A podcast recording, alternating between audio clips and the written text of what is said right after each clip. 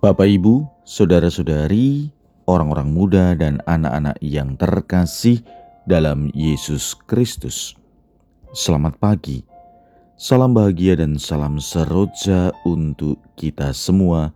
Berkah dalam. Bersama dengan saya, Romo Antonius Garbito Pambuaji, menyampaikan salam dan berkat Allah yang Maha Kuasa dalam nama Bapa dan Putra dan Roh Kudus. Amin. Hari ini Selasa, 8 Februari, dalam hari biasa pekan biasa kelima. Bacaan pertama dalam liturgi hari ini diambil dari kitab pertama Raja-Raja, bab 8 ayat 22 sampai dengan 23, dilanjutkan 27 sampai dengan 30. Bacaan Injil diambil dari Injil Markus bab 7 ayat 1 sampai dengan 13. Pada suatu hari, serombongan orang Farisi dan beberapa ahli Taurat dari Yerusalem datang menemui Yesus. Mereka melihat beberapa murid Yesus makan dengan tangan najis, yaitu dengan tangan yang tidak dibasuh. Sebab orang-orang Farisi, seperti orang-orang Yahudi lainnya, tidak makan tanpa membasuh tangan lebih dulu, karena mereka berpegang pada adat istiadat nenek moyang. Dan kalau pulang dari pasar, mereka juga tidak makan kalau tidak lebih dahulu membersihkan dirinya. Banyak warisan lain lagi yang mereka pegang, umpamanya hal mencuci cawan, kendi, dan perkakas tembaga. Karena itu orang-orang Farisi dan ahli-ahli Taurat itu bertanya kepada Yesus, Mengapa murid-muridmu tidak mematuhi adat istiadat nenek moyang kita? Mengapa mereka makan dengan tangan najis? Jawab Yesus kepada mereka, Benarlah nubuat Yesaya tentang kamu, hai orang-orang munafik. Sebab ada tertulis bangsa ini memuliakan aku dengan bibirnya, padahal hatinya jauh daripadaku. Percuma mereka beribadah kepadaku sebab ajaran yang mereka ajarkan ialah perintah manusia. Perintah Allah kamu abaikan untuk berpegang pada adat istiadat manusia. Yesus berkata kepada mereka, Sungguh pandai kamu mengesampingkan perintah Allah supaya kamu dapat memelihara adat istiadatmu sendiri. Karena Musa telah berkata, hormatilah ayahmu dan ibumu, dan siapa yang mengutuki ayahnya atau ibunya harus mati. Tetapi kamu berkata, kalau seorang berkata kepada bapak atau ibunya apa yang ada padaku yang dapat digunakan untuk pemeliharaanmu, sudah digunakan untuk kurban, yaitu persembahan kepada Allah, maka kamu membiarkan dia untuk tidak lagi berbuat sesuatu pun bagi bapak atau ibunya. Dengan demikian, sabda Allah kamu nyatakan tidak berlaku demi adat istiadat yang kamu ikuti itu. Dan banyak hal lain lagi seperti itu yang kamu lakukan.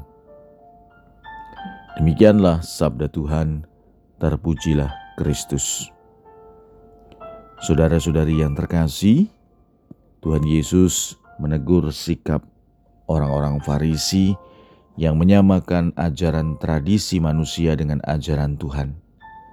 Dengan demikian, mereka tidak menangkap prinsip ajaran Tuhan dan mengkorupsi ajaran Tuhan tersebut dengan interpretasi mereka sendiri.